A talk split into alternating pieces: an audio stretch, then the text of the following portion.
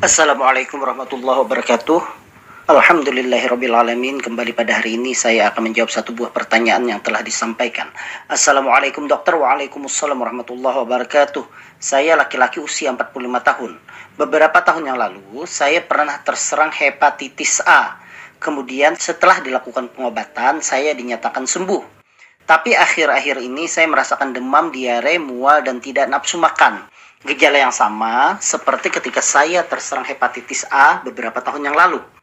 Yang mau saya tanyakan, apakah hepatitis A bisa kambuh kembali? Apa penyebabnya? Dan benarkah penderita hepatitis A harus menghindari minum obat paracetamol? Kenapa ya dok? Terima kasih atas penjelasannya ya dok. Semoga Allah memberikan pahala yang berlimpah dari Bapak Khairi. Baik Bapak Khairi, terima kasih banyak atas pertanyaannya. Ini adalah pertanyaan terkait hepatitis A. Baik, saya berbicara yang namanya hepatitis dulu. Hepatitis itu berasal dari kata hepar dan itis. Hepar itu adalah hati atau dalam bahasa Inggrisnya adalah liver. Kemudian itis itu artinya adalah peradangan. Jadi kalau kita berbicara hepatitis berarti itu adalah peradangan hati. Nah, penyebabnya berbagai macam. Kalau disebabkan karena virus dan itu virus hepatitis A berarti dia namanya adalah hepatitis A. Kalau disebabkan karena virus B berarti dia adalah hepatitis B. Kalau disebabkan karena virus C, dia disebut dengan hepatitis C. Atau non virus juga bisa. Misalnya akibat dari obat-obatan, ya toksik obat-obatan dia disebut dengan drug induced hepatitis. Atau bisa disebabkan karena autoimun. Seseorang terkena penyakit autoimun kemudian menyerang hati, dia disebut dengan hepatitis autoimun. Atau bisa juga disebabkan karena perlemakan hati. Jadi dia bisa menyebabkan peradangan itu disebut dengan fatty liver. Jadi kalau kita berbicara hepatitis, jangan pikirannya itu langsung ke hepatitis A, hepatitis B, atau hepatitis C. Karena itu hanyalah salah satu penyebab terjadinya hepatitis. Jadi kalau kita berbicara hepatitis A, berarti dia itu disebabkan suatu virus. Virusnya itu adalah virus hepatitis A. Nah, hepatitis A berbeda dengan hepatitis B dan hepatitis C. Kalau hepatitis B virus yang menyebabkan hepatitis B dia adalah virus DNA dan virus ini sampai sekarang memang obat-obat yang diberikan itu tidak berhasil untuk membunuh hepatitis B yang ada di dalam tubuh. Jarang kasusnya seseorang yang sudah terkena hepatitis B itu kemudian dia berubah menjadi negatif. Ya, penanda hepatitis B itu adalah pemeriksaan laboratoriumnya menggunakan HBsAg jarang terjadi HBsAg yang sudah reaktif atau HBsAg yang sudah positif itu diperiksa ulang setelah pengobatan berubah menjadi negatif. Nah, yang dilakukan itu adalah pada penderita hepatitis B adalah mencegah virus hepatitis B-nya itu berkembang biak dan menyebabkan kerusakan hati. Nah, kalau hepatitis C di saat sekarang ini di zaman teknologi kedokteran yang sudah semakin baik, alhamdulillah hepatitis C sudah bisa berubah menjadi negatif yang kita sebut dengan serokonversi negatif. Jadi yang dulu anti HCV totalnya itu adalah positif dengan pengobatan yang hanya memakan waktu bisa tiga bulan saja itu bisa berubah sekarang menjadi hepatitis C yang negatif. Nah kalau dulu sulit walaupun sudah menggunakan obat-obat yang mahal dan ujung-ujungnya penderita hepatitis C berubah menjadi sirosis hati ataupun kanker hati. Nah, kalau hepatitis A ini berbeda dengan B dan C. Hepatitis A itu disebut oleh para ahli dengan self-limited disease, yaitu penyakit yang sebenarnya bisa sembuh sendiri, tapi dalam tanda petik.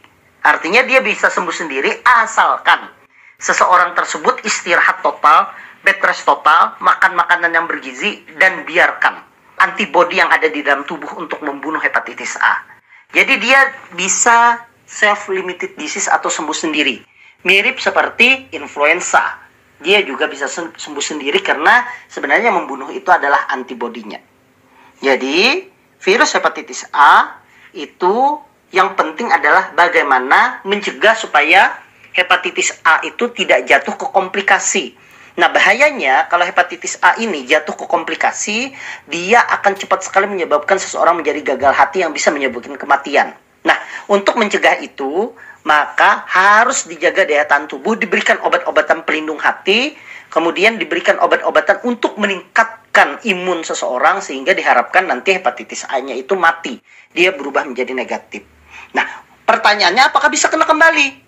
Sangat bisa. Jadi misalnya beberapa tahun yang lalu seseorang terkena hepatitis A ditandai dengan misalnya pemeriksaan anti HAV yang positif atau IgM anti HAV yang positif. Kemudian dia sembuh, bed rest, satu atau dua bulan kemudian dia sudah sembuh, maka beberapa tahun kemudian itu bisa saja kena lagi. Kenapa bisa terjadi? Karena antibodi yang mengena, mengenali hepatitis A sudah turun sehingga seseorang bisa terkena hepatitis A lagi. Disebabkan kenapa? Dia terinfeksi lagi hepatitis A yang didapat dari makanan atau minuman yang mengandung hepatitis A. Nah, itu berbeda dengan dengan B dan C. Kalau B dan C dia menular melalui darah. Kalau hepatitis A dia menular melalui makanan atau minuman yang mengandung hepatitis A virus sehingga dia tertular hepatitis A. Nah, bagaimana caranya supaya jangan sampai tertular hepatitis A? Yang pertama tentunya makan dan minum kita harus betul-betul hygiene. Usahakan agar kita tidak makan atau minuman yang sembarangan. Apalagi misalnya di saat musim hujan itu insidensi terjadinya infeksi hepatitis A itu meningkat. Nah, selain itu juga ada vaksinasi hepatitis A. Jadi biasanya pasien-pasien saya yang sudah pernah terkena kemudian terulang lagi kena dua kali, saya sarankan untuk vaksin hepatitis A untuk mencegah dia tertular kembali. Jadi apakah bisa kambuh kembali? Pertanyaannya ya bisa. Apa penyebabnya? Karena dia terinfeksi hepatitis A yang didapat dari makanan atau minuman yang tidak hygiene. Ya. Kemudian benarkah penderita hepatitis A harus menghindari minum obat paracetamol?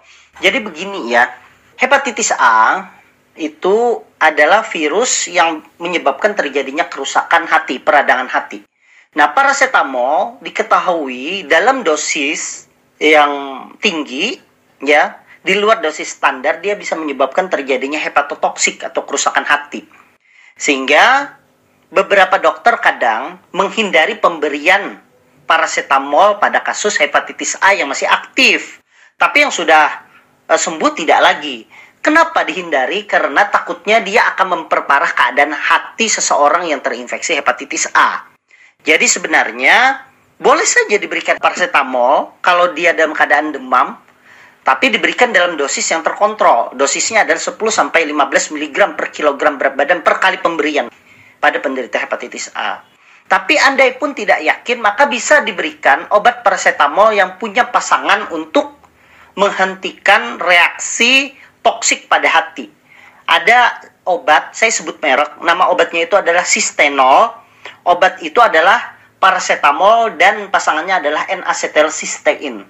Nah, itu N-acetylcysteine itu berfungsi untuk menjaga supaya paracetamol yang masuk ke dalam itu ada zat-zat tertentu yang nanti dia itu bisa merusak hati itu dari tangkap duluan oleh N-acetylcysteine. Jadi misalnya sebagai contoh, pada beberapa kasus mungkin dokter lebih suka meresepkan gabungan itu untuk mencegah terjadinya toksik pada hati pada penderita hepatitis. Tapi di luar itu ya tidak ada masalah. Bahkan pasien yang non hepatitis kalau kita berikan paracetamol dengan dosis yang sangat tinggi, ya tetap bisa merusak hati. Jadi ya intinya sebenarnya hanya untuk menghindari kemungkinan terjadinya perburukan dengan memberikan paracetamol itu saja. Mungkin itu saja yang bisa saya sampaikan Pak Khairi. Nah terkait karena ada keluhan akhir-akhir ini, saya sarankan untuk segera periksa hepatitis A kembali. Nama pemeriksaannya itu adalah anti HAV atau boleh juga IgM anti HAV ke, labor, ke laboratorium yang terdekat untuk memastikan kalau hasilnya negatif kemungkinan itu mual muntahnya itu atau diarenya itu bukan kena hepatitis kena penyakit yang lain.